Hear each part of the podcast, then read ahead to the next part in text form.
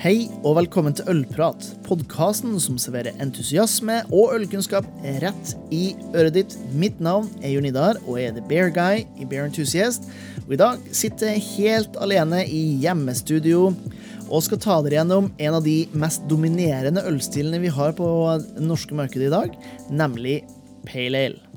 Det her kommer i utgangspunktet fra en uh, eh, direktesendt eh, ølsmaking som vi har på våre Facebook-sider, men jeg tenkte at dere som sitter og vil ha ølkunnskap også i podkastform, skal selvfølgelig få lov til det. Og det vi skal snakke om, er de to kall det grunnstilene innenfor pale ale. Fordi hvis man går på f.eks. Eh, ølrangeringssiden Untapped, så finner du pale ale i form av amerikansk, australsk, belgisk, engelsk, international, milkshake, New England, New Zealand, det er òg rye og Italian, det er frukttilsatte osv., osv. Så for at vi skal kunne forstå hva en pale ale er, så er vi nødt til å vite hva utgangspunktet er. Vi er nødt til å få hva en typeriktig pale ale er. Og i, i den forbindelse snakker man om to hovedstiler. Det hele starta egentlig med den industrielle revolusjonen i England, når man begynte å utvikle kull som brensel eh, i 1642 for aller første gang før den tida her sånn, så eh, var øl egentlig litt sånn varierende, avhengig av batch til batch, bryggeri til bryggeri, og grunnen til det var for at man brukte uh, tørka torv, eller og uh, rett og slett tre, som var med på å gi sot, røyk, altså farge og smak til alle ølene som ble brygga på den tida, uavhengig av hva man i utgangspunktet hadde lyst til, kanskje. Men med kull så fikk man altså en flamme som brant på høyere temperatur, uten sot og uten særlig røyk, og med andre ord kunne man få maltsorter som var lysere, som var renere i farge og på smak, for den saks skyld, eh, og man kunne begynne å utvikle eh, rett og slett produkter med en større smaks- og fargevariasjon enn man kunne tidligere. Pale ale ble for første gang nevnt i 1703 i England, og på starten av 1800-tallet ble det her kjent etter hvert som bitters, eller bitter pale. Eh, hvis du i dag går inn på en bar og spør om en English pale ale, så vil du nok få litt rare, rare blikk, fordi at de kaller det bare bitter eller bitter pale, eh, mens det i utgangspunktet var en pale ale som man snakka om. Eh, Utviklinga av det her kom eh, mye inspirert av Burton on Trent, som eh, var kjent for å ha et vann med høy sulfit, som ga veldig klare, rene øl, eh, og som hadde mer bitterhet fra humla. Um, etter hvert så ble det her shippa til India. Man hadde en fyr som het George og Bow Brewery i London, som lagde en pale ale med mer humle og alkohol. Her ble sendt til India og skapa India Pale Ale. Men det er en annen podkast for en annen dag. I England, altså, så er det ikke noe som er kjent som eh, English Pale Ale. De kalles bitter. Jeg ser I Norge så blir det faktisk ofte omtalt som ESB, altså Extra Special Bitter. De er forholdsvis lyse i farger. Eh, har en IBU som ligger mellom 20 og 40, altså IBU, International Bittering Units.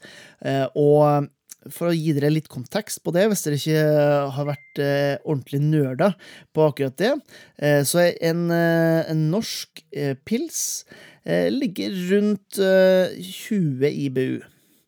Alkoholmessig så vil en engelsk pale ale, eller bitter, ligge på 3,8 til 5,5% Det vil være en veldig god balanse mellom malt og humle man vil finne herbale, altså urtetoner for eksempel, fra engelske humler som EKG, Fuggle, Golding og Target. Eh, og faktisk, en av mine favoritthumler eh, hadde også preg av bjørnebær, husker jeg, når jeg begynte som eh, hjemmebrygger for en god del år siden. Det her humlepreget blir da godt balansert med en restsødme og en maltpreg, gjerne med litt eh, tenkte toast eller litt karamell, litt sødme vil du finne, og en god fylde. Det som jeg personlig liker veldig godt med en engelsk pale ale, det er det faktumet at de er veldig lettdrikkelige, men også veldig gode til mat. De har ikke for mye bitterhet og har nok maltfylde til å kunne hamle opp med egentlig det meste av eh, mat. Eh, alt fra lette salater til litt eh, tyngre grillmat, som man gjerne har i den tida som man går inn i nå, i hvert fall. Etter hvert så fant jo pale veien over dammen til USA. Og her ble det faktisk ansett som et sekundært produkt, altså et, et sånn annenrangsprodukt. Og grunnen til det her var egentlig veldig enkelt. De fleste store bryggeriene på den tida det kom over dit, var drevet eller starta av tyske bryggere, som gjerne heller ville snakke om eh, de leskende, lyse lagerne som de hadde spesialisert seg på og virkelig funnet formelen for. Og man må også tenke på at eh, den tida vi, vi snakker om at PLL begynte å, å, komme på markedet, eh, sånn ordentlig i USA, så eh, var jo Monty Python sin eh, etter hvert så berømte sitat om amerikansk øl eh, på topp. Nemlig det at amerikansk øl er som å ha sex i en kano, fucking close to water. Eh, men så hadde jo også en forbundstid eh, på 60- og 70-tallet der alt av ale ble ansett som malt liquor, altså maltlikør. Og for de av dere som har vært eh, så i hermetegn uheldige og vært en liten tur i USA, og smakt på malt liquor, så vet dere at det er ikke akkurat regnet som et høykvalitetsprodukt. Eh, men i tillegg så ga det å kategorisere det som en malt liquor staten en mye større mulighet til å ja, rett og slett eh, få litt mer skatter og avgifter på det. De første pale sånn som vi kjenner dem i dag, altså amerikanske pale ales, eh, de fant man eh, på 17 80-tallet, starten av 80-tallet, på vestkysten. Eh, California, rett og slett. Eh, her er det verdt å nevne at eh, en av de første var nok Liberty Ale til Anchor Brewing, som tok i, i bruk en amerikansk humle som heter Cascade. Og etter hvert så fant man ut at en amerikansk pale ale var veldig forskjellig til en engelsk en. Det skiltes ut fordi det var altså, litt typisk amerikansk. Det var litt større, litt mer kraftig, litt mer uttrykksfullt. Vi snakker mer alkohol, mer humlepreg, og rett og slett eh, et helt, eh, helt andre råvarer. Man har en eh, amerikansk malt som skiltes ut fra de engelsk med å være renere i smaken og ha litt mykere smak, ikke så mye særpreg i seg. Man har en annen type gjær som også var renere, mindre fruktig enn det typiske engelske. Eh, man har en helt annen humletype, eller en humlestil. Vi snakker her om Cascade, Centennial, Chinook, etter hvert mosaikk. Altså humler som har et veldig uttrykksfullt eh, sitruspreg. Mye floralitet, litt harpiks, altså rett og slett mere og man fant tilbake til en gammel bryggeteknikk, som var tørrhumling. Det vil si at man tilsetter humlinga etter at man er ferdig å gjære ølet, med det målet å få mest mulig smak og aroma ut av det. Det gir litt flyktige humleolja i ølet, eh, men gir fantastisk rett og slett et sånn rått, rent preg av humle. Eh, og Cascade Humlen altså er verdt å nevne som den første virkelig profilerte amerikanske humla, og tok over troen fra de eh, mer tradisjonelle tyske eh, humlene, eh, og ble etter hvert den mest dyrka humla i verden. Når man snakker om en amerikansk pale ale, så er det også en ganske lys, men gjerne litt sånn gyllent eh, fargepreg.